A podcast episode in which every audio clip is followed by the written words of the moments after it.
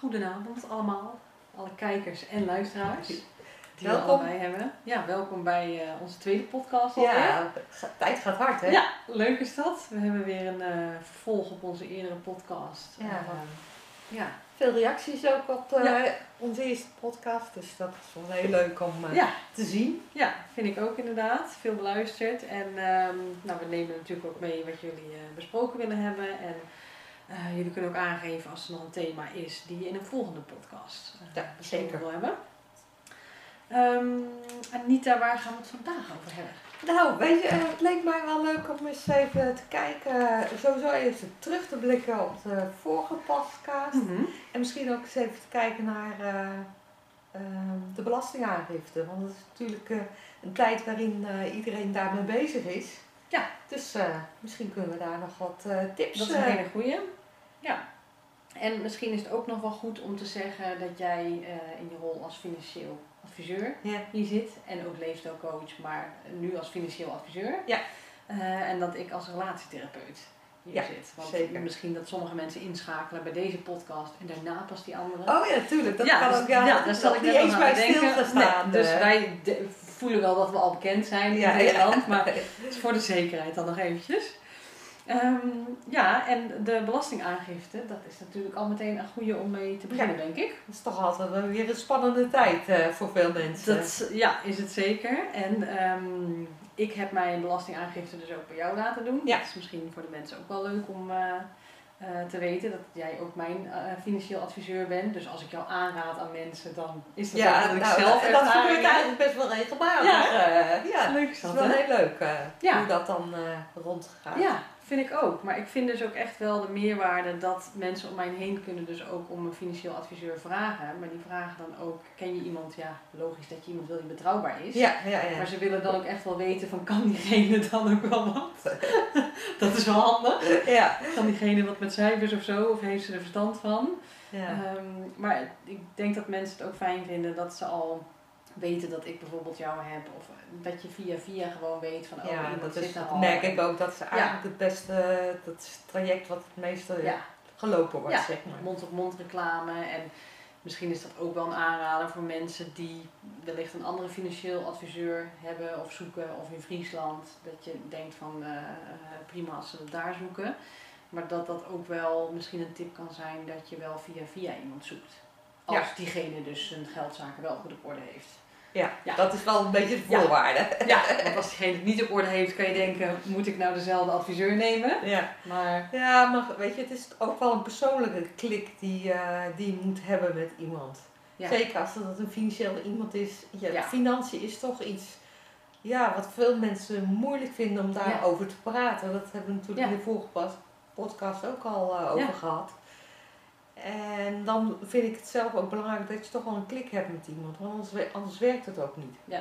dat is best wel een goede ja. Want ik vind het inderdaad, het is best wel privé. Ja, dat. Ja, Ja, Je kan wel zeggen van oeh, iemand krijgt mijn eh, netto salaris te zien of bruto en netto, maar het gaat er ook om hoe je met geld omgaat. ja zeker. Ja, en hoe je de bonnetjes wel of niet verzamelt. Of Ja. hoe moeilijk het voor mij misschien soms is om iets te snappen van wat is inkomstenbelasting, wat is BTW, wat is Ja. eh, allerlei termen die eraan vastzitten.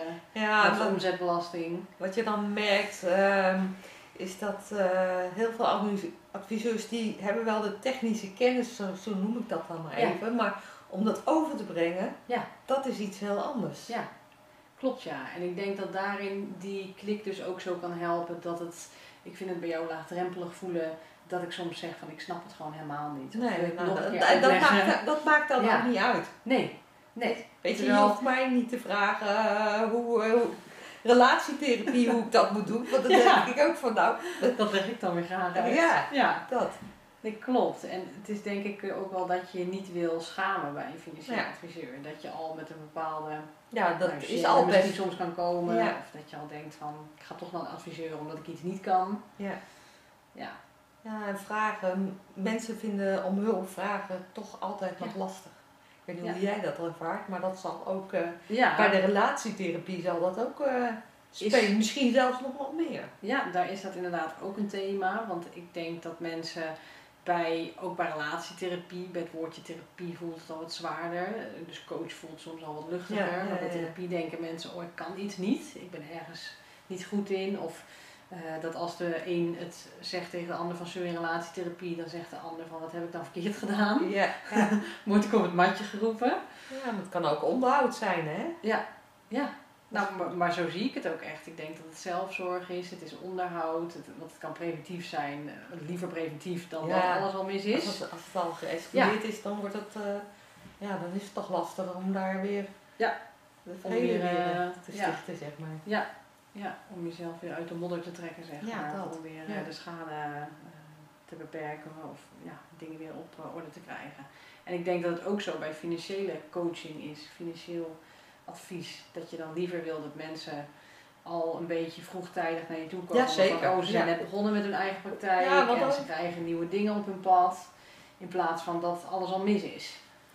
En ik kan ze dan ook vooraf al wat tips geven van nou, doe het op een, die manier of doe het juist op een andere manier. Ja. En dan is het achteraf al, Ja. ja, loopt het toch wel ma- wat makkelijker. Ja, ja, dat je inderdaad vooraf al weet hoe je aan het einde van het jaar je aangifte in kan dienen bij jou. Ja. Zodat je al weet hoe je je bonnetjes bij moet houden of in wat voor bestanden je het zet. Ja, en ook wat tips gewoon om eh, te besparen.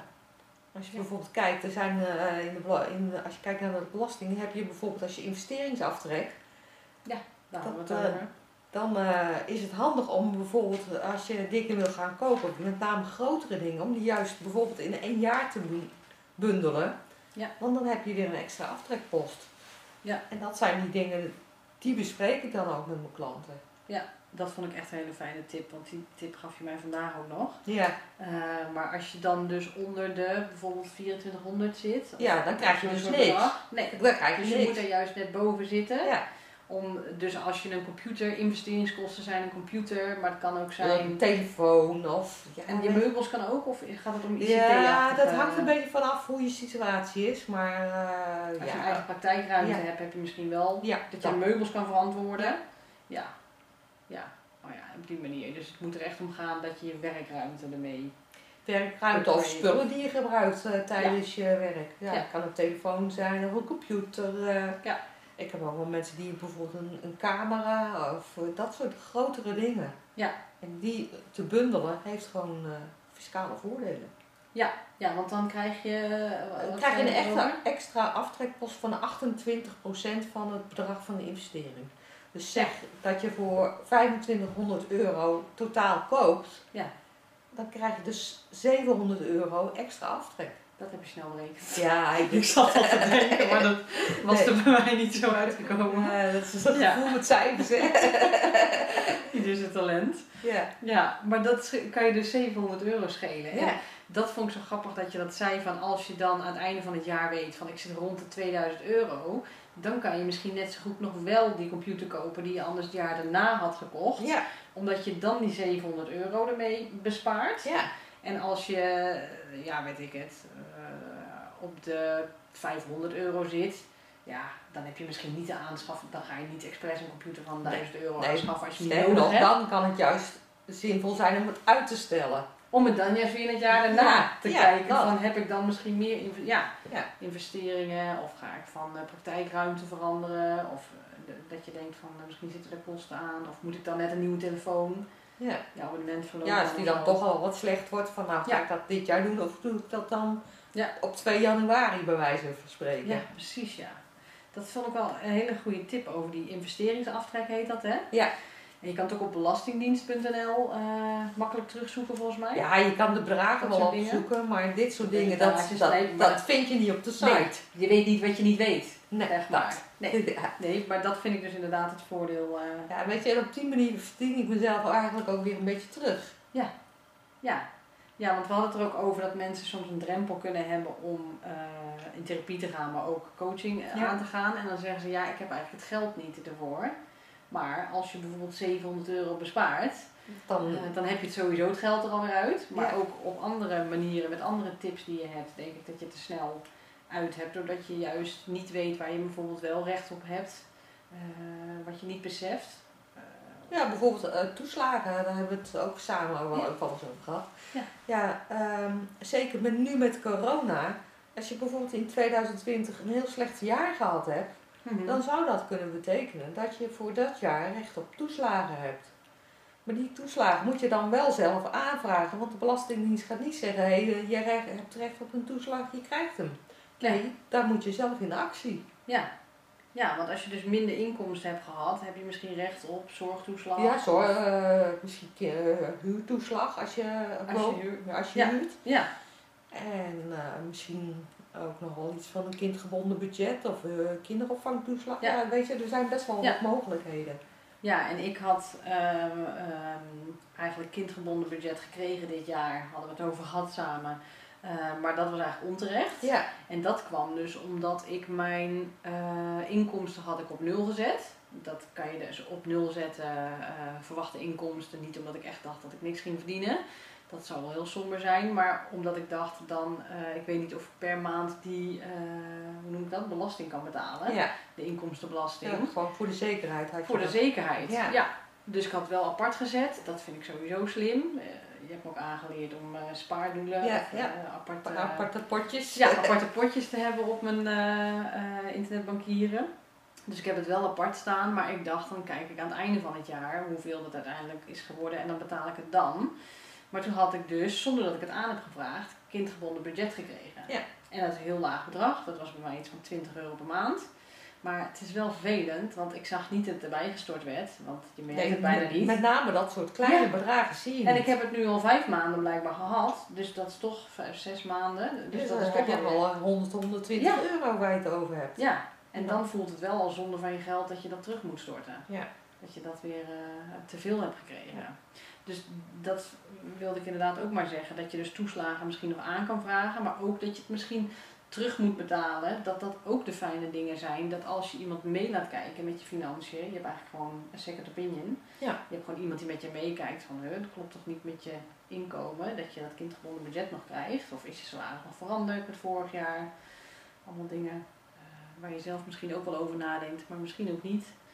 Ehm, Ja, maar ik vergelijk het zelf ook altijd een beetje met een auto. Hè? Die breng je ook regelmatig voor, naar de garage voor onderhoud.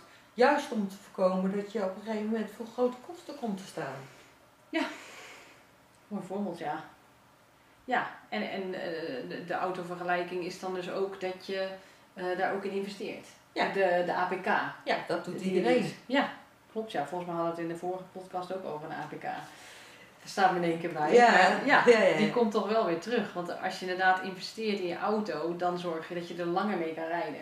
Dat, dat Dat. het allemaal duurzamer wordt. Dat het niet, dat niet je hele auto onder je afbreekt. Ik heb geen verstand van auto. Ik ook niet. En eh, dat zijn dingen die ik dan weer uitbesteed.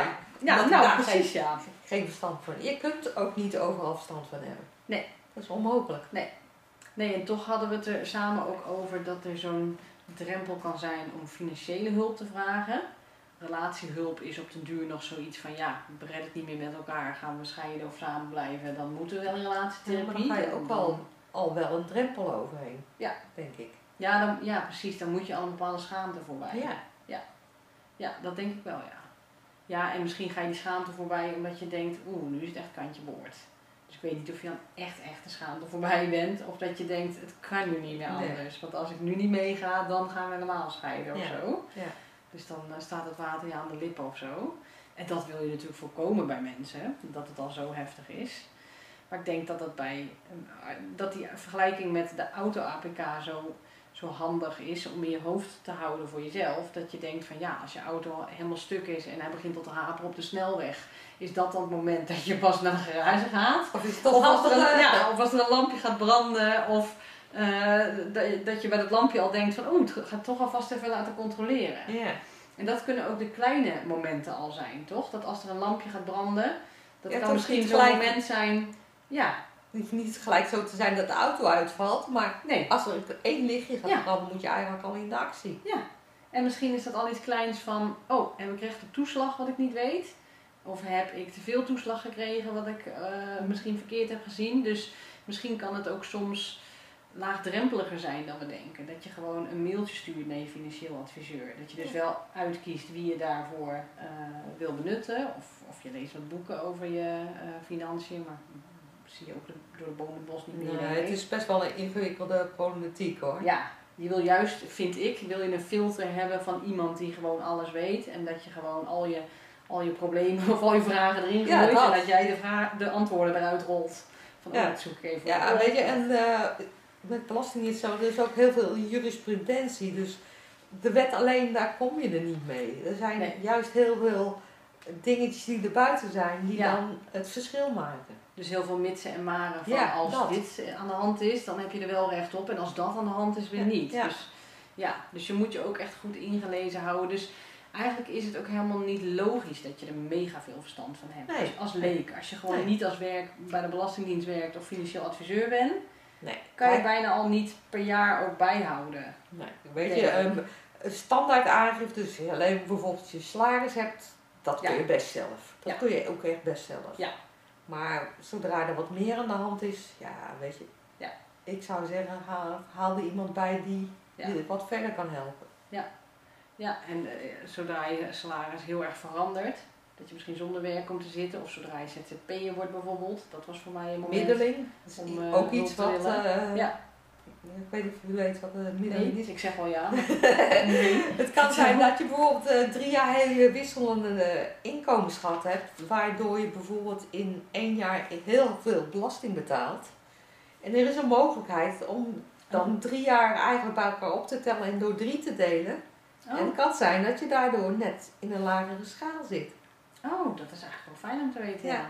Ja. want ik heb ook wel een eh, eh, vriendin die fotograaf is bijvoorbeeld. En Ja. daar kan het natuurlijk wisselen per klus of zo, wat Ja. je per jaar hebt. Of, Ja, dat is altijd de moeite waard om even te checken of dat. eh, nou ja, dat is ook weer een van die dingen waarvan ik zeg van nou, grappig ja. ja. En we hadden het ook over de, ik weet niet of ik het goed zeg, belastingschijven. Ja. In ieder geval, Ja. ja, Ja, want de tarieven. ja, je hebt eigenlijk twee dingen. Je hebt belastingschrijven, maar je hebt, maar je hebt ook boksen.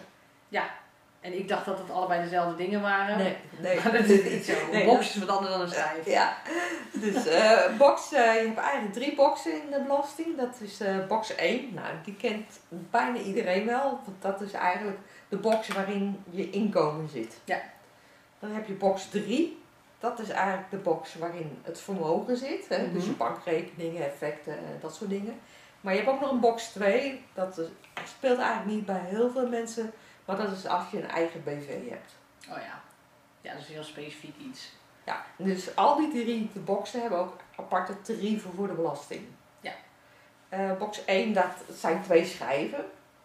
In de onderste schijf eh, betaal je 37%, kom je erboven zit je op de 50%. Ja. Dus daar zit best wel een Ja.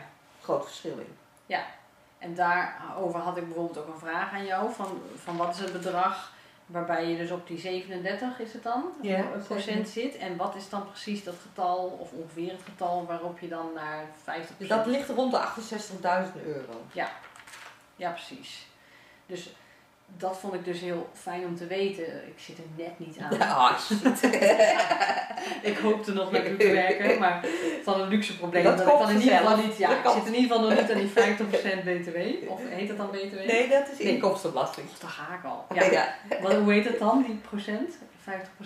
Dat is eh, inkomstenbelasting. Van inkomstenbelasting. Dat is eigenlijk vergelijkbaar met loonbelasting die normaal gesproken wordt ingehouden als je in loondienst Oh ja. bent. Precies, ja. Dus ehm, als je daar dus onder zit, dan denk je, oh wat fijn, 37% klinkt nog steeds heel veel. Maar dan is het in ieder geval fijn dat als je dus tegen die 68.000 ongeveer, als je daar tegenaan zit, eh, dat je dan bijvoorbeeld ehm al praten, dan hadden wij het erover van stel je zit een beetje tegen het einde van het jaar Ja. en je merkt dat je al tegen de 60.000 inkomsten aan zit of zo. Dat je dan eigenlijk even een checkmomentje met jezelf kan doen of met je adviseur. Ja. Van ga ik daar overheen of niet? Of moet je juist, ja, je moet juist onder die 68.000 Ja, blijven. ja. Dus dat je dan ook bekijkt of je, ehm, ik zei zelf van dan neem je bijvoorbeeld een paar weken vrij.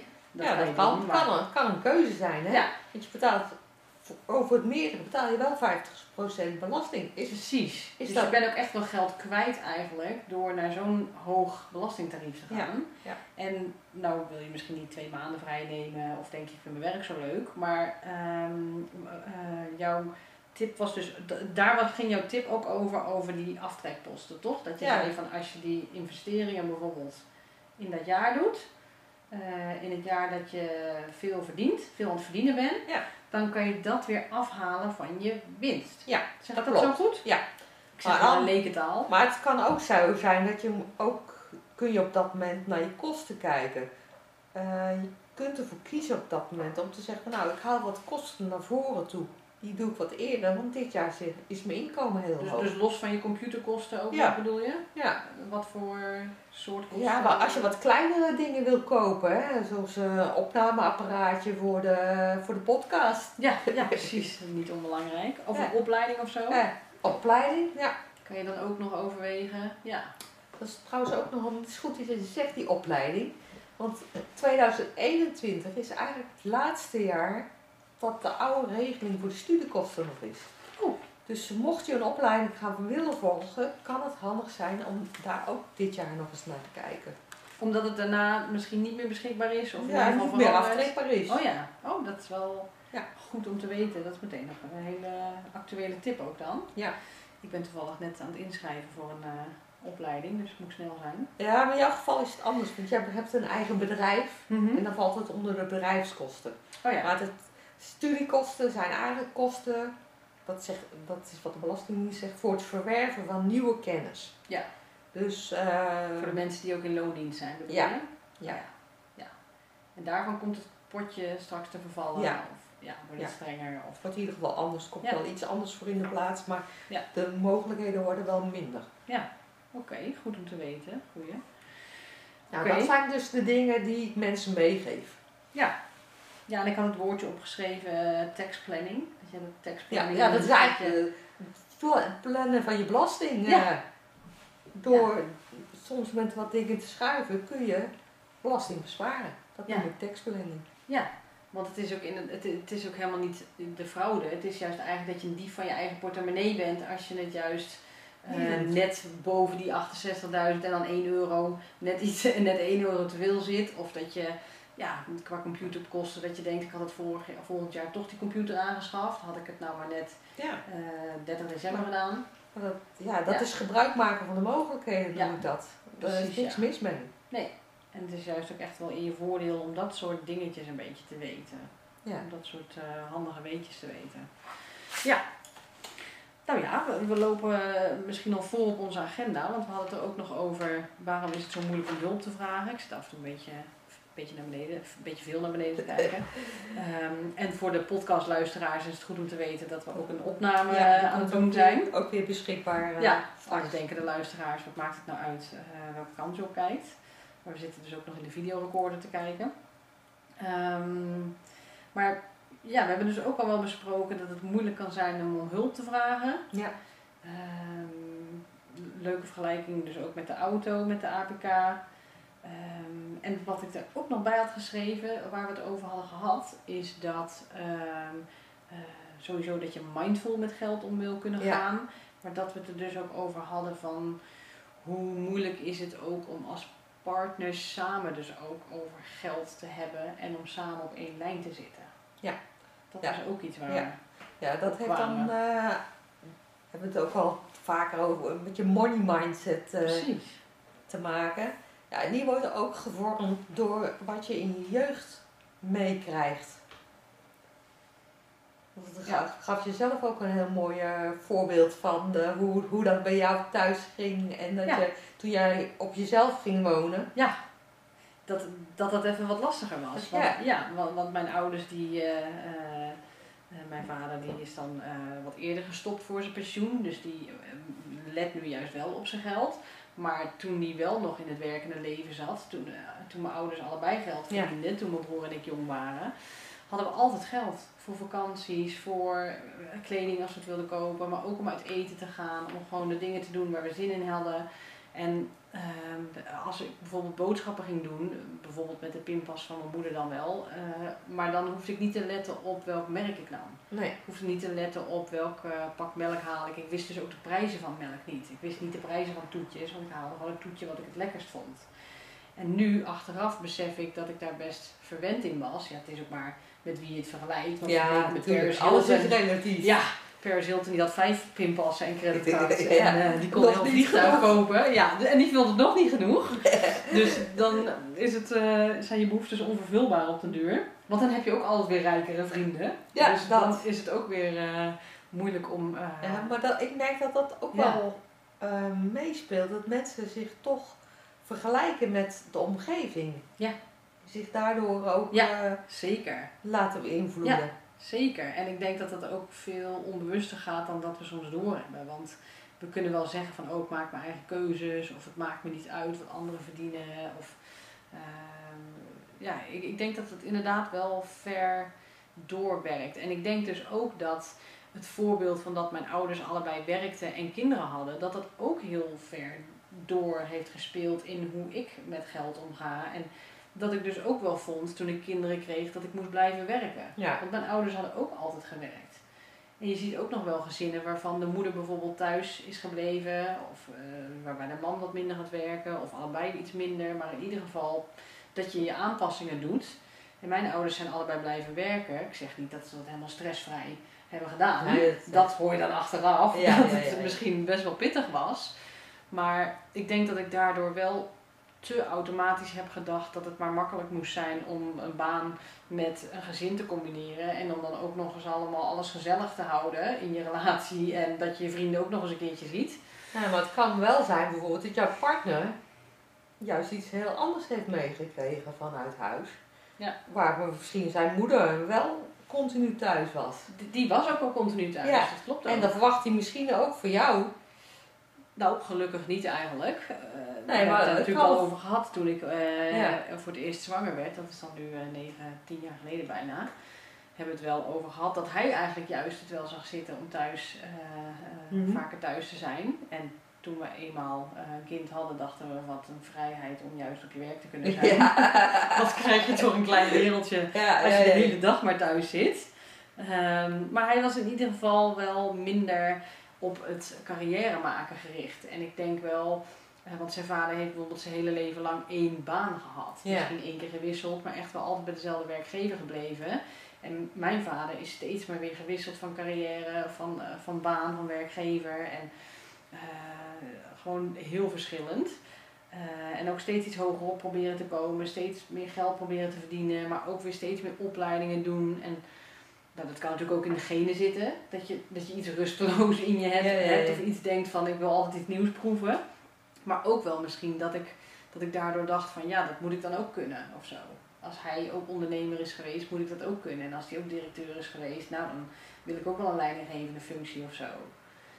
En dat maakt natuurlijk ook wel dat je in je werk toch wel stress kan hebben. eh, waarvan ik nu achteraf denk van wat, wat heb ik misschien ook wel weer veel van mezelf gevraagd. Juist in Ja. een periode dat ik ook best al, dat er thuis al wat van me werd gevraagd. Ja, want veranderde de situatie thuis, dat. Ja. Ja. Ja, Maar ja, dat heeft ook nog eens een keer inv- invloed op je relatie. Dat zeker. jij in de praktijk eh, regelmatig meemaakt, Zeker. denk ik. Ja, dat maak ik zeker mee. Want ik zie dus ook echt wel stellen waarvan bijvoorbeeld de ene persoon, eh, de, de vrouw in dit geval, moet ik even aan een stel denken, dat die dan wel eh, kan balen of het niet kan snappen dat haar man in één keer niet meer zo goed functioneert. Dus ze hebben dan drie kinderen en in één keer eh, is hij uitgevallen van werk en trekt hij het allemaal niet meer. Nee. Dus voor haar gevoel trekt hij het oude tempo niet meer. Terwijl wat ik dan aan hem merk, omdat ik hem in therapie heb, omdat ik ook GGZ-behandelingen geef, niet alleen de stellen, maar ook individueel. Ja. Ehm, aan hem merk ik dat hij het eigenlijk daarvoor al niet trok. Want als ik dan aan hem vraag van wanneer begon de stress of wanneer begon je je meer moe te voelen en eh, meer geïrriteerd en eh, dat je achter feiten aan ging lopen en dat je op je werk dus ook een beetje Ja, ja, eh, dat- minder ging functioneren, dan was het eigenlijk vanaf dat zijn eerste kind geboren werd. En dat vind ik dan wel heel boeiend. Dat, dat het dus lijkt alsof hij op zijn werk, ja hij zal daar wel een conflict of een oneenigheid hebben gehad waardoor hij daar weg moest. Eh, maar als, dat het lijkt alsof het daar is begonnen, van hè, wat vervelend dat hij dat kwijt is, we moeten maar weer zo snel mogelijk werk voor je vinden. Maar eigenlijk heeft hij zo lang op zijn tenen gelopen eh, op dat werk, wat hij misschien op ander werk ook op zijn tenen zou hebben gelopen. Omdat je eigenlijk ja, je bent jezelf als vader aan het ontwikkelen. En je bent ook je, je vrouw opnieuw aan het ontdekken. Want je merkt ook dat je vrouw, die heeft ook een kind, nog een kind, nog een kind. Dus daar gaat natuurlijk ook uh, Het een en ander energie. veranderen. Ja, gaat wat veranderen. Ja. Eh, ook in positieve zin, niet, niet negatief per se, maar er veranderen zeker dingen. En dus ook in je eigen energiehuishouding, ook die van je vrouw. En dus ook in de hele energie van hebben we s'avonds thuis eh, zin of tijd om te begroten hoeveel geld we voor vakantie Ja, hebben. Of, Maar ook je Ja. financiële situatie verandert, hè? Als je ineens drie kinderen hebt. nou ja, inderdaad. En dan moet je misschien als gezin wel andere keuzes gaan maken. Ja, want als je dan inderdaad met drie kinderen in het vliegtuig gaat zitten, Ja. dat heb ik toevallig laatst gedaan, maar dat is met twee kinderen is dat best duur. Ja, dat. voordat ze Ja. drie of twee zijn, eh, hoef je die stoel nog niet te betalen. Maar dat is inderdaad wel Dus het is ook wel dat je andere keuzes in je leven gaat maken. Doordat de financiën anders worden. Doordat je dus meer kinderen hebt om rekening mee te houden. Ehm, en je energie is misschien soms wat minder. Je energie is ook meer gericht op het opvoeden van kinderen. Op het alles in het gereel houden. En waar we het ook nog samen over hadden is dat het zo goede zelfzorg is om juist met je financiën bezig te zijn. Dus dat sommige mensen zeggen van ik wil niet met financiën bezig zijn of het geeft me alleen maar stress of ik heb er geen verstand van. eh, Ja, het is lastig, we schuiven het wel voor ons uit, laat maar gaan. Maar eigenlijk is het dus juist, juist in tijden van stress zo fijn, zo fijn als je juist dat overzicht weer kan hebben. Ja. Omdat ik denk dat dat ook weer zoveel rust kan geven, ook in je gezin. dat klopt. Dat Ja. denk ik ook.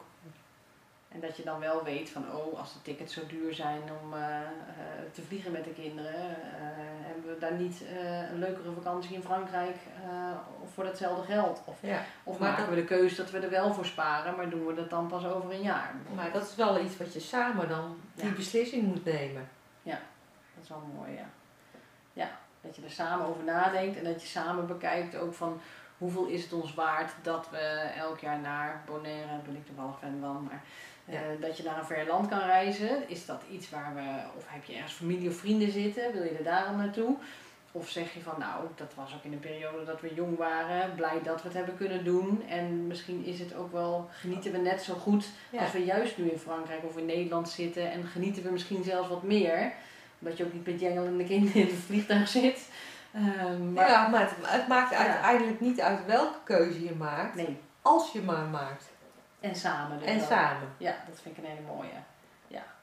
Dat je dus niet de ander pusht van eh, ik wil per se vliegen. En eh, dat je daardoor in het najaar niet meer, weet ik veel, iets anders kan betalen wat je graag Ja. gewild. Of, Ja, en ik ben ook nog wel opgevoed met de oude wetse gedachte van tering naar de nering zetten. ja. Dus, Ja, en ik dat dat betekent- heftig, maar ja, maar dat betekent dat je eigenlijk eerst moet kijken van eh, wat zijn mijn inkom, inkomsten en wat kan ik überhaupt. Ja. Dus niet impulsief van nou ik ga eerst kosten maken, maar andersom. Ja. Eerst kijken van nou wat kunnen we. Ja, en zo kwamen we inderdaad ook op het thema dat veel mensen twee auto's hebben. Ja, Daar dat. staan we nu bij. Ja, en dat boeit me dan omdat het een bewuste keuze kan zijn dat je twee auto's hebt. Maar als je de twee auto's hebt omdat je vindt dat het hoort of ja, je denkt dat je het geld ervoor hebt, want je hebt allebei een goed salaris, dan heb je ook twee keer die APK-kosten. En dan heb je dus ook. Ook je onderhoud. Ja. En hij moet ook een keer vervangen worden. Ja, Dus Precies, hij is ook gewoon een keertje op, denk ik. En eh, je benzinekosten heb je dubbel. Ja. Eh, onverwachte kosten misschien met een keertje schade. Dus dat zijn allemaal dingen die je dan dubbel hebt. En waarom ik dat ook weer een boeiend voorbeeld eh, eh, of een boeiend onderwerp vind, is omdat sommige mensen hebben dan dat hun toiletpot onverhoopt stuk gaat. Je kan het maar niet plannen of er kan gewoon iets geks gebeuren. gebeurt al, ja. Er is altijd wel iets, of je Ja. wasmachine of je vaatwasser. En dat mensen dan eigenlijk eh, bijvoorbeeld van hun vakantiegeld, van dat spaarpotje eraf halen van nou dan halen we wel een vaatwasser. Of de APK werd te duur, dus gaan we dit jaar maar niet op vakantie. Ja, en dat vind ik dan zonde, omdat ik dan denk dat dat misschien niet de meest mindfulle keuze is geweest. Dat is dan eigenlijk een beetje een stresskeuze, Het overkomt je dan Ja. ook. Ja, Ja. precies ja. Ja, en ik denk dat het eigenlijk fijner is als je dan, nou, als je een spaarpotje hebt is dat sowieso super fijn, dat je al iets voor opzij had gezet, maar dat je dus ook kan beseffen van, hebben we die twee auto's wel nodig? Niet dat je vaatwasser in de prijs van een auto koopt, denk Nou, dat ik. hangt een beetje vanaf. ja, ja, er bestaan dure vaatwassers en goedkope auto's. Ja. Maar ik denk in ieder geval dat het zo, eh, zo goed is om te beseffen dat, dat je daarin ook keuzes kan maken van wat zijn onze vaste lasten en eh, hebben we die vaste lasten, eh, hebben we die dingen wel echt allemaal nodig waar we al Ja. ons geld aan besteden. En ehm, ik moest bijvoorbeeld aan een programma, ik weet echt even niet meer hoe het heet, van Annemarie van Gaal moest ik Ja. denken Eh, wat op tv was, met mensen die in de schulden zitten. En dat het me dan opvalt dat ze een Nintendo hebben en een Playstation. Want dat is toch allebei Ja, iets waar je allebei spelletjes op doet. Ja, Ja, ja. en eh, dat heeft betekenis. Of ik heb hem ooit gekregen van een beste vriend of van mijn vader. Dat kan allemaal ook emotionele waarde hebben. Eh, maar ook dus mensen die hun auto dan niet weg willen doen terwijl ze zo hoog in de schulden zitten dat ze hun huis gewoon helemaal uit moeten. Ja. En ook met kinderen die daar op een basisschool zitten, weet ik veel wat. En dan ja, blijft dat soms zo'n struikelblok. Blok. Ook omdat zo'n auto misschien emotionele waarde heeft, maar ook omdat ze zeggen zonder auto kom ik ook weer niet op mijn werk. Nou ja, dat is lastig als dat echt eh, een baan heel ver weg is. Maar dan heb je misschien ook nog je trein of je elektrische fiets tegenwoordig. Ja, en je moet gaan of een kijken. zuinigere auto. Het gaat misschien meer om hoe kan je bezuinigen ten opzichte van je huidige situatie Ja. of zo. Ja, het loont denk ik al om gewoon, e- al is het maar één keer per jaar eens even door al die kosten heen te gaan. Van, is, zijn Ja. alle kosten die ik maak nog wel eh, nodig? Ja, dat is wel een goede, ja. Dat is wat je eh, bekend is abonnementen, hè? die sluipen erin. Ja, ja. Klopt ja, ik heb ook zo'n Canva abonnement. Ik weet niet of mensen dat kennen, maar dat Ja, is dan leuk voor op Instagram of zo. Ja. Een fotootje erbij, maar dat heb ik dan twee maanden gebruikt en nu heb ik het alweer tien maanden voor niks betaald. Ja, dat. Het zijn dan de kleine bedragen en eh, bij sommige dingen is het nog leuk om eh, mensen te sponsoren, de kleine ondernemers. Maar zo'n groot bedrijf heeft natuurlijk mijn tientjes niet nodig. Ja, de abonnementen zijn inderdaad een goede om eens door te nemen. En om dus ook gewoon te kijken naar, ja, hoe neem je dat door? Is dat iets eh, Nou ja, dat je zegt van eh, spit eens door je e-mail of door je... Ja, pak, pak, pak gewoon bankafschriften van Oh ja, een precies. jaar en dan ga daar Ja. eens doorheen. Ja, scroll gewoon even terug. Ja. Ja, wat zijn de kosten die, waarvan je de naam al niet meer herkent? Nee, wie, Van wat, hoe heet wat, dat bedrijf? wat was dat ook alweer? Ja.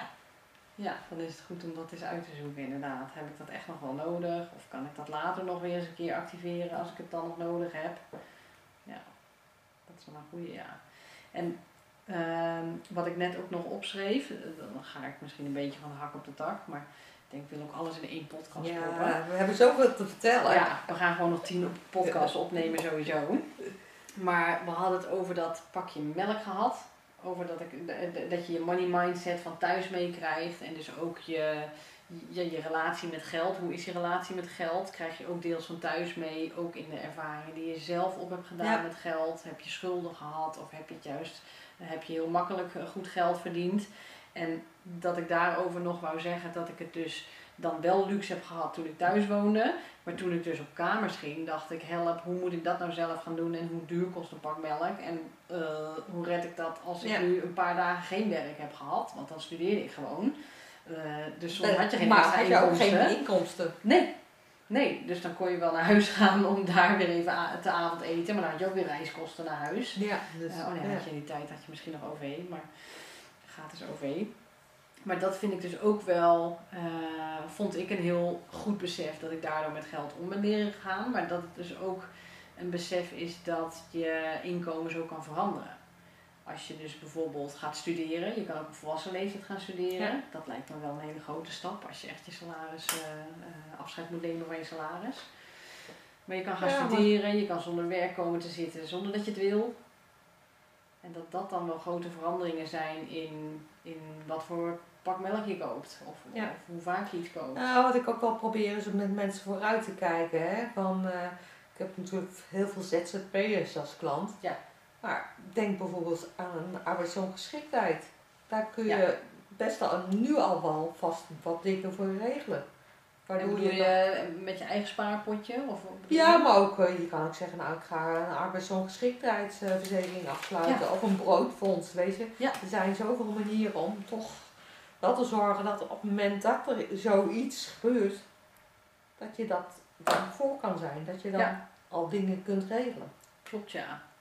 Ja, zo ben ik dan zelf op Share People gekomen. Ja. Het is, eh, we maken geen reclame voor Share People, dus een broodfonds is op zich net zo goed. En Ja. eh, gewone AOV is natuurlijk voor de lange termijn.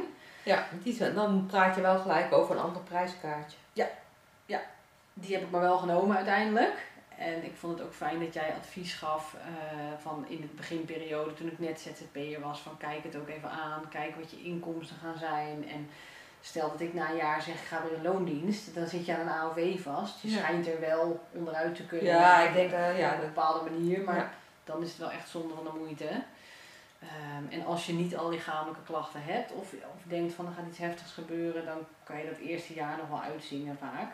Toch? Dat- Zo zag ik het bij mezelf. Ja. Ik ben nu nog relatief jong. Ehm, maar toch was ik in het eerste jaar, merkte ik ook al wel wat zenuwachtig. Dat ik dacht van ja, je zou maar in je eerste jaar in één keer borstkanker oplopen. Of corona, hè? Nou, corona, dat had ik ook niet kunnen voorspellen. Nee. Dat klopt. Dus, dus dan zit je in één keer zonder werk. En toen had ik wel mijn Share People al, gelukkig. Eh, dus een soort variant van een broodfonds is dat. Eh, maar dan zou het dus wel de eerste één of twee jaar volgens mij zelfs gedekt zijn. Ja. Dus dat vond ik al wel een heel fijn gevoel geven. Dat ik in ieder geval wel iets had. Dat is misschien ook wel, eh, ja, zou mijn persoonlijke tip zijn. Ik ben geen financieel adviseur. Maar dat je in ieder geval wel iets zoals een broodfonds of share people hebt voor de eerste maanden, de eerste jaren dat je ziek bent. Ja. En dat als je nog jong bent, dan ja, een AOV is gewoon ook echt wel duur. Dan Ja. hoef je dat misschien nog niet, maar een AOV is ook weer goedkoper als je jong eh, wel je AOV neemt, toch? Ja. Want ik heb echt wel collega's die op hun eh vijftigste bijvoorbeeld, vanaf hun vijftigste Ja, ZZP'er zijn geworden, die betalen bijna het dubbele van mij. Ja. Ja. Dat is natuurlijk ook weer een overweging. Dat je dus dus, misschien juist wel al Ja. doet als je jong bent. Ja. Ja. Nou, fijn om in ieder geval dat ik jou daarvoor heb. Maar ik vind het dus echt ook wel fijn om tegen mensen te kunnen zeggen dat je daar eh, je financieel coach, eh, financieel adviseur eh, voor kan vragen voor dat soort tips. Ehm, en ik zit te denken hoe we nou op het thema kwamen. We hadden het over mindfulness. Hoe ga je mindful met geld om? Hoe ga je als stel ook hoe praat je als stel over geld ook? En hoe maak je de keuzes voor Ja. Een vliegtickets of een toiletpot? Maar we hadden het ook namelijk over een leuke boekentip. Ja. Daar zoek ik een soort bruggetje naar. Ja. Nou ja, ik, ik ben zelf eh, momenteel bezig met een heel leuk boek. Het heet eh, van George Kindle. Dat is nou eigenlijk een monnik volgens mij. Zelfs. Die heeft een boek over financiën geschreven. Het gaat eh, over money maturity. Ja, Dus dat is... zal ik hem eens in beeld in de camera ook doen. En ik zal op de podcast zal ik ook eh, de tekst erbij zetten. De schrijver en de titel. Dus Money Maturity. Seven Stages of Money Ja. Maturity van George Kinder. Ja, ja dus wat hij eigenlijk, hij herkent eh, zeven stadia van eh, geldvolwassenheid noemt hij dat dan. En het begint eigenlijk met een kind, een kind zijn. Als kind heb je natuurlijk helemaal geen besef van de waarde van geld. Nee. En naarmate je ouder wordt, verandert ook je waarde over geld. Ja. Als je wat ouder Ja. wordt als kind zijn, dan merk je ook op een gegeven moment van nou, dan krijg je al pijn op het moment dat je niet genoeg geld hebt. Ja. En zo zijn er nog een aantal Ja. stadia zeg maar, in, die, in dat Ja. traject eh, te vinden. Ja. ja, dat vond ik al wel boeiend, die indeling. Omdat je dus eigenlijk ook kan zien dat als er geldproblemen zijn in je volwassen leven, dat het eigenlijk op een bepaalde manier kindgedrag is. Ja, Dat je eigenlijk ergens bent blijven steken door dingen die je mee hebt gemaakt of dingen die je juist niet hebt geleerd van je ouders, waarin je die money maturity, die volwassenheid, niet hebt kunnen bereiken. En dat vind ik ook weer een hele mooie parallel met de therapiewereld. Dat je bij schematherapie heb je het bijvoorbeeld over het gekwetste kind en de gezonde volwassene. ja, En het gekwetste kind is als je getraumatiseerd bent, als je trauma, trauma's hebt meegemaakt, dan kan je vanuit, dan reageer je wat sneller vanuit de gekwetste kindrol. Dus als je iets niet krijgt, je krijgt geen snoepje, ga je stampvoeten. Maar als je een bepaalde baan niet krijgt of een bepaald project niet krijgt op je werk, kan je ook gaan stampvoeten of schreeuwen of schelden. Maar dan krijg je nog iets minder snel zo'n project en word je Ja. misschien zelfs ontslagen. ja, Dus dan werkt die methode niet meer zo heel erg. Maar dan kan je heel erg je gekwetste kind voelen. En als dat je coping ook is gebleven, gebleven je manier van omgaan, ga- omgaan met stress, dan kom je ook niet echt hoger op de maatschappelijke ladder. Ik bedoel niet eens qua carrière, maar Nee. dan, dan is het moeilijk om relaties aan te houden ook. En om een beetje, beetje geduld te hebben met anderen en om niet altijd voor je eigen eh, zin te gaan, maar om ook te kijken naar wat heeft de ander hier nodig. En daarvoor moet je je gezonde volwassenen aanboren. En dat is natuurlijk precies dat hetzelfde met geld. geldgedrag. Ja. Oh, dat Ja. moet ook gezond zijn. Ja, en daar heb je dus ook je gezonde volwassen kant voor nodig om te bedenken van oh, ehm, als je bijvoorbeeld vroeger eh, je, je knie stootte, dan wilde je een snoepje of een kusje op je knie en dan was het weer goed. Maar als je in je volwassen leven denkt, wat heb ik een baaldag gehad, ik heb werk gedaan wat ik niet wilde doen of het was een te zware dag, ik mag dure schoenen kopen. Dan ga je dat voor jezelf daarmee Dus ook- praten. Ja, zo maar een ben je soort wel beloningsgedrag. ja, en heel erg eh, in, in het materiële en heel erg, eh, nou niet heel erg destructief, maar als je het geld er niet voor hebt, is het destructief. En je geeft dus geld uit, dus je bent energie kwijt en je bent geld kwijt. En dat je misschien niet, niet hebt. Precies, ja. En, en dat het ook nog eens de vraag eh, is of het de beloning wel geeft die je wilde. Want dan heb je die schoenen en dan denk je, ja, nou Dat is korte termijn. Of ja, ja, of morgen heb ik weer een baaldag. Dan Ja. kan je beter eens een keer met je werkgever op tafel gaan zitten. Of gaan kijken van hoe zorg ik dat ik mijn werk anders inricht. Of kan ik misschien in bad gaan. Kan ook geld kosten als je over de rekening hebt Ja, van je, ja. eh, weet ik het, je stroom. Ehm, ja, maar ik vind dat wel... Maar dat, dat, dat is wel, gaf jij vanmiddag wel aan, dat, dat actieve herstel of zo eh, is dat dan. Ehm, ja, het actief in herstel zijn. Ja. Ik zit even te denken wat ik daar nou precies over zei. Dat je dus als je ehm, geldproblemen hebt, dan kan je zeggen van oh, ik, ik, ik heb nu geen schulden, dus ik. eh, dat je dan tegen je partner zegt van ik heb nu geen schulden of ik heb nu geen dure schoenen gekocht, dus maak je niet zo druk of dus zeur niet zo. Maar het is juist een stap 2. Het is juist de mindfulness erin, eh, waarin je er bewust mee om kan gaan. Dat je zegt van, ik kies per dag om actief in herstel te zijn. Je kan in herstel zijn als je een verslaving hebt, maar je kan ook in herstel zijn, zijn qua money mindset. Dat je denkt, ik wil actief bezig zijn met hoe ik op een bewustere manier mijn geld uitgeef. Dus dat ik daar niet vijf jurkjes aanklik omdat Zalando laat zien dat mijn jurkje weer de beschikbaar aanbieding is. is, ja. Ja, of in de aanbieding is. Heel gevaarlijk zijn die pop-ups. Die zou ik sowieso uitzetten. Maar dat je dat niet kiest omdat je denkt 50% korting, dat kan ik niet missen. Maar dat je echt bewust kijkt naar had heb ik het een nodig? nodig. Ja. Ja. En er waren... Ik heb er al twintig in de kast nou precies, dat je nog even telt in de kast hoeveel heb ik er ook alweer. Ehm, dat is misschien ook een vrouwenprobleem dat we altijd denken dat we te weinig kleding hebben. Ja, maar volgens mij hebben mannen daar tegenwoordig... mannen dat ook? Ja, die hebben dat meer met schoenen of zo. Nou, mijn man heeft het ook. Ja. Ik wou het net zeggen. Mijn man heeft dat met schoenen inderdaad. Nou, sorry dat ik dat nu eh, zo even Sorry. bloot eh, leg. Ja.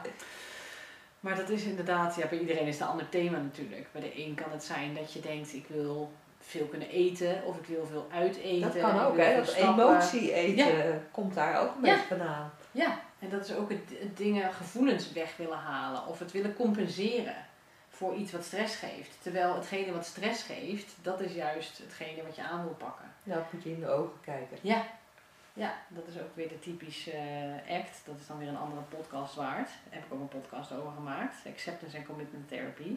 Maar als je door de pijn heen gaat, dan ben je iets aan het helen. Dan ben je iets echt duurzaam aan het oplossen.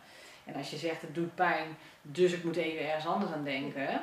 Ja, straks heb je een open wond. Er moet er echt gewoon jodium op. Er moet echt gewoon iets gebeuren ja, met die wond. Moet die wond Anders behandelen. wordt het alleen maar erg. Het gaat het ontsteken. Ja. Dus zo denk ik dat het ook met geld is. Dat, dat als je eh, stress hebt, ja sowieso als je stress hebt, kan je het niet met geld oplossen. Maar als je geld stress hebt, kan je het ook weer niet met werk oplossen. Ik bedenk het ter plekke. Ja.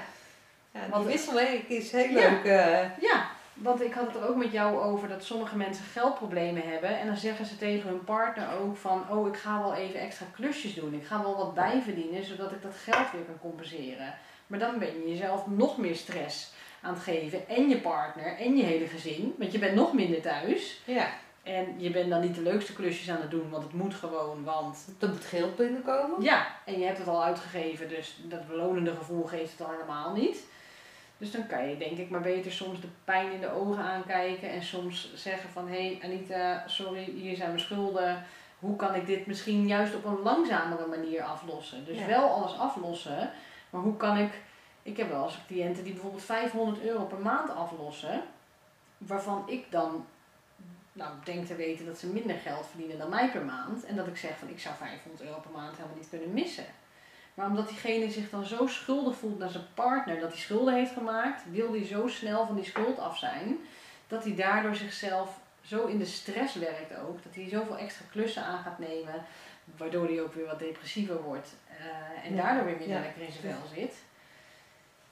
Dat vind ik dan ook zonde. Ja, dat is ook zonde, zeker. Ja, en dat is dus ook eigenlijk iets wat, wat je, waar je mindfuler mee om zou willen gaan. Dat je dus, het gaat niet altijd om dat je het meeste per maand aflost, het hoogste bedrag. Of dat je zo min mogelijk uitgaven hebt. Maar, past. Ja. Waarvoor het gevoel ook goed is. Ja. Ja. Ja, waarbij het gevoel goed is, waarbij je het overlegd hebt met je partner. Ja. Waarbij je dus keuzes hebt kunnen maken. Dat je denkt, gaan we nu deze keuze maken of dit? Gaan we als we een tweede auto nemen, doen we deze uitgave niet? Of als we de auto wegdoen, dan kunnen we misschien wel dat. Of, ja, dat. Ja. ja dat je Maar dan denk je er wel over na. Ja. Dan ben je er echt wel mindful mee bezig. Ja. En dat is dan ook weer een beetje die money maturity, noem ik dat dan. Ja. Ja, dat vond ik inderdaad ook. Ik vind het sowieso een hele mooie term, money maturity.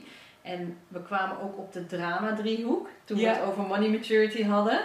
Omdat sommige mensen hun maturity, uh, um, volwassenheid, maar dus ook hun verantwoordelijkheid soms niet zo laten zien. Dat ze soms zo zich een slachtoffer kunnen voelen van hun geldproblemen, van het feit dat ze niet met geld om hebben leren gaan of niet zoveel verstand hebben van, ja, waarom, je hoeft er niet eens verstand van te hebben, want het gaat er ook om wat komt erin en wat gaat eruit. Ja. Um, maar dat ze dat heel lang een partner misschien hebben laten doen. Dat ze ook denken van, oh mijn partner kan het beter, dus blijf jij het dan maar doen. Terwijl eigenlijk zet je de ander dan in de reddersrol. Ja. Het is wel goed voor mensen die uh, luisteren of kijken om uh, de drama driehoek te googelen.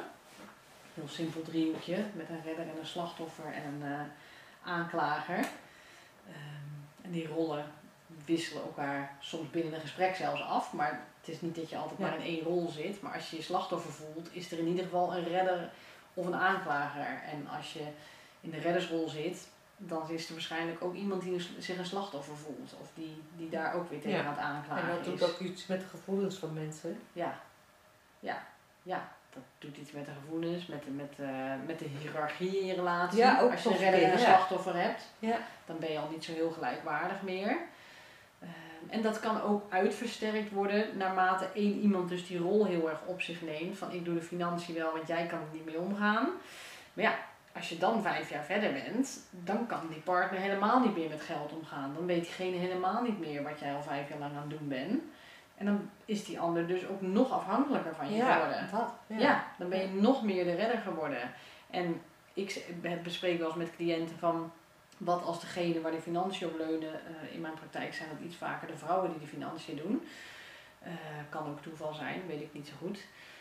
Um, maar dat als die vrouw bijvoorbeeld de been zou breken, of om een andere reden in het ziekenhuis komt, of ze kan in ieder geval de financiën even een tijdje niet meer doen, dan zou die man het toch over moeten kunnen nemen. Ja. Dan heeft die alle inlogcodes, lijkt me, en ook alle. Um, hoe zeg dat je dat? dan wel. Dat, ja. ja. dat hoop je dan wel. Dat weet ik al niet eens.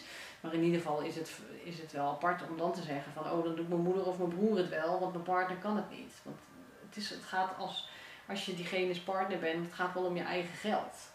Dus je, ik denk ook dat je die verantwoordelijkheid wilt nemen over je eigen geld.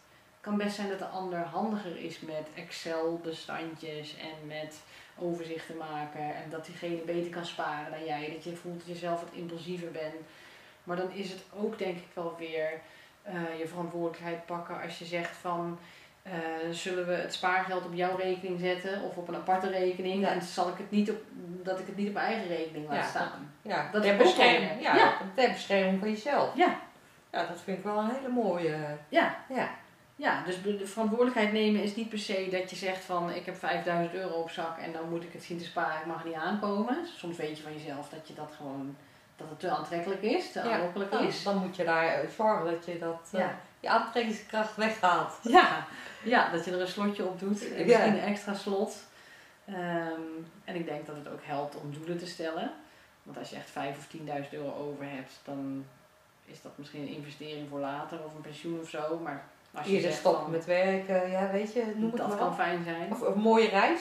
Ja. Maakt eigenlijk niet uit eh, Ja. wat dat doel is. Hè? Ja, Als je het samen hebt besloten, dan Ja, en ik denk ook dat juist zo'n mooie reis, als je dat als doel hebt met je spaargeld, dat het makkelijker is om dan die schoenen te laten staan die je op Zalando ziet. ook. Ja. Ja, Ja. dat je dan je impulsen beter kan beheersen. Dan denk je van, oh, wil ik die reis naar Zuid-Afrika of wil ik nu deze schoenen? Dan, Waar heb je langer plezier ja, dan zou ik toch aan Zuid-Afrika denken. Ja, ik ook hoor. Ja. Ik hoef daar niet over na te denken. Nee, hè? Nee, dan Nee. eh, heb je daar misschien ook weer schoenen voor nodig. Maar dat spaar je er dan mee in, zeg maar. Ja, ja dat zijn wel eh, Mooie dingen. Ja, Ja. want we komen toch elke keer weer op, de, op die mindfulness terug. En voor sommige luisteraars klinkt dat misschien zweverig, is het eigenlijk juist ook niet. Mindfulness is ook met aandacht in het hier en nu zijn.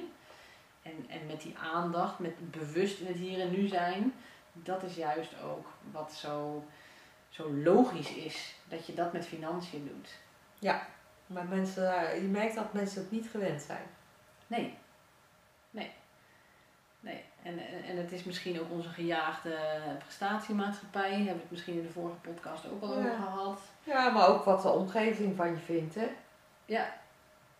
Weet je, eh, volgens mij hebben we het in de vorige podcast dat je de uiterlijk is dat. Oh ja. Daar hebben we het vorige keer over gehad, Ja, volgens mij. volgens mij ook. En dat er een goede film over is met Demi Moore. Ja, Dat die. het uiterlijk zo eh, Ja. belangrijk is en dat we dan ook allemaal dure auto's gaan kopen. Terwijl je niet kan dat zien wat er achter de deur Ja. gebeurt. Ja, ja klopt ja. Ja, dus het is ook wel, mensen zoeken ook naar hun plek in de maatschappij. Mensen zoeken naar niet alleen status, maar ook gewoon van ze willen bij een groep horen. Ja. En als je dan in een groep, in een, in, op een plek woont waar iedereen een Tesla heeft of Of iedereen... een iPhone. eh, ja, nieuwste versie. ja, dan ga je daarin, ben je geneigd om daarin mee te gaan. Ja, dan denk je al dat het niet logisch is of niet hoort dat je die oudere versie hebt. Dan noem je die, die, die versie die je zelf hebt, noem je al oud. Terwijl die is niet oud. Die is vergeleken met een nieuwere versie, is die oud. Ja, maar vergeleken met... iedere, eh, als je morgen een telefoon komt, is die eh, de Ja. erop uit. Precies, ja, dat is inderdaad zo. Ja, ja dus, dus het is ook wel weer de kunst om je rust te kunnen bewaren en om eh, eigenlijk dus ook wel weer back to basic eh, terug te kunnen gaan naar je kernwaarden. Van wat vind ik belangrijk in mijn leven? Ja. Eh, wat vinden we belangrijk met ons gezin? Wat vinden we belangrijk in onze relatie? Wat Waar willen wij voor sparen? Ja, ja. waar willen we naartoe? Ja. En wat vinden we ook belangrijk? Vinden we het belangrijk dat we die reis over drie jaar kunnen betalen, een hele dure reis? Of vinden we het fijn om elke maand of elke week uit eten te kunnen? Kan ook een keuze zijn. Ja.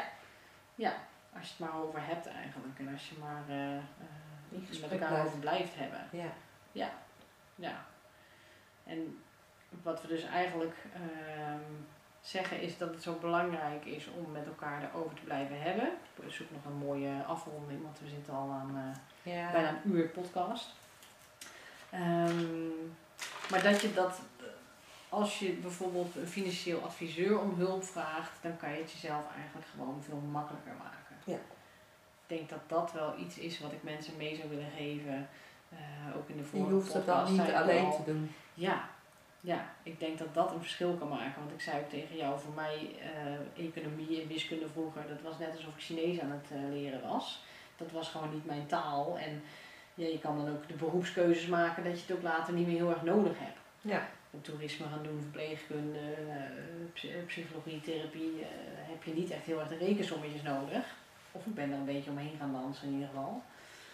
Ik zorgde dat ik het niet nodig had. Maar in ieder geval is dat dus iets waarvan ik dus merkte dat ik op een bepaalde manier een beetje een achterstand had. Of waar, waarvan ik me een beetje dom kon voelen. Waarvan ik dacht van, eh, hoe werkt dat met die boksen, met die schijven? Ik zie het verschil niet echt. ja, maar wat, mooi, wat ik het mooie vind bij jou is dat ik nu zie dat je daarin wel groeit. Ja, Je ontwikkelt daarin wel. Ja, nou ik vind dat zelf dus ook wel bijzonder. Want ik, da, ik da, had het idee dat ik altijd een hekel had aan geld. Dat is natuurlijk ook iets wat je jezelf wijs maakt. Waardoor het ook een steeds sterkere gedachte wordt. Van oh, be- belastingaangifte, oh vreselijk. Maar als je het blijft zeggen, wordt het steeds vervelender. En als je eigenlijk ernaar kijkt zo van hoe wil ik dat mijn relatie is met geld. Dat heeft me heel erg een boost gegeven. Dat ik dacht, ik wil niet dat ik stress heb om geld. Ik wil ook helemaal niet dat uh, relatiegesprekken met mijn partner, dat die gaan om geld. En dat, dat we ruzie hebben om geldzaken. Ik wil eigenlijk gewoon juist ontspannen kunnen voelen over geld. En dat je een soort proactieve houding kan hebben. Ja. Dat je denkt van dit is het budget per jaar, dan weet ik ook wat ik te besteden heb. Dan weet ik of ik een jurkje kan kopen of niet. Dan maakt die keuzes ook makkelijker. Ja, ja.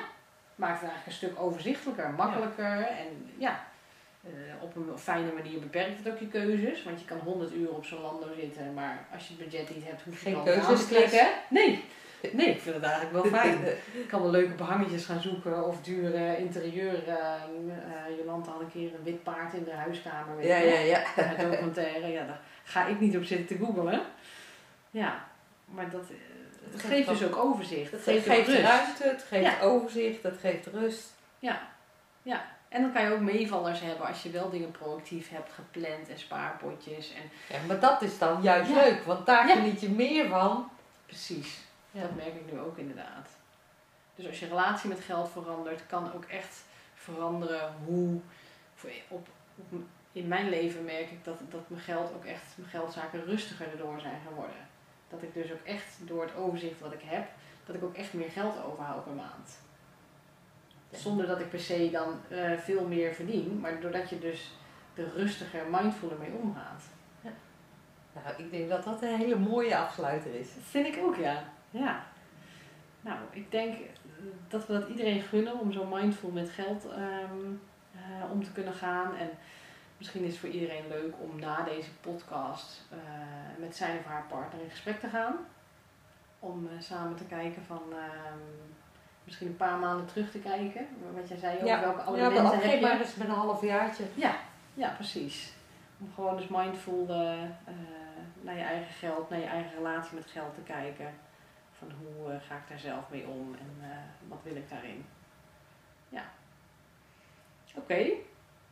Nou, Ja. superveel leuke dingen besproken. Ja, Heb jij nog een laatste uitsmijter of eh, opmerking? ja nou, ik, ik zou zeggen van loop je ergens tegenaan en meld het ons.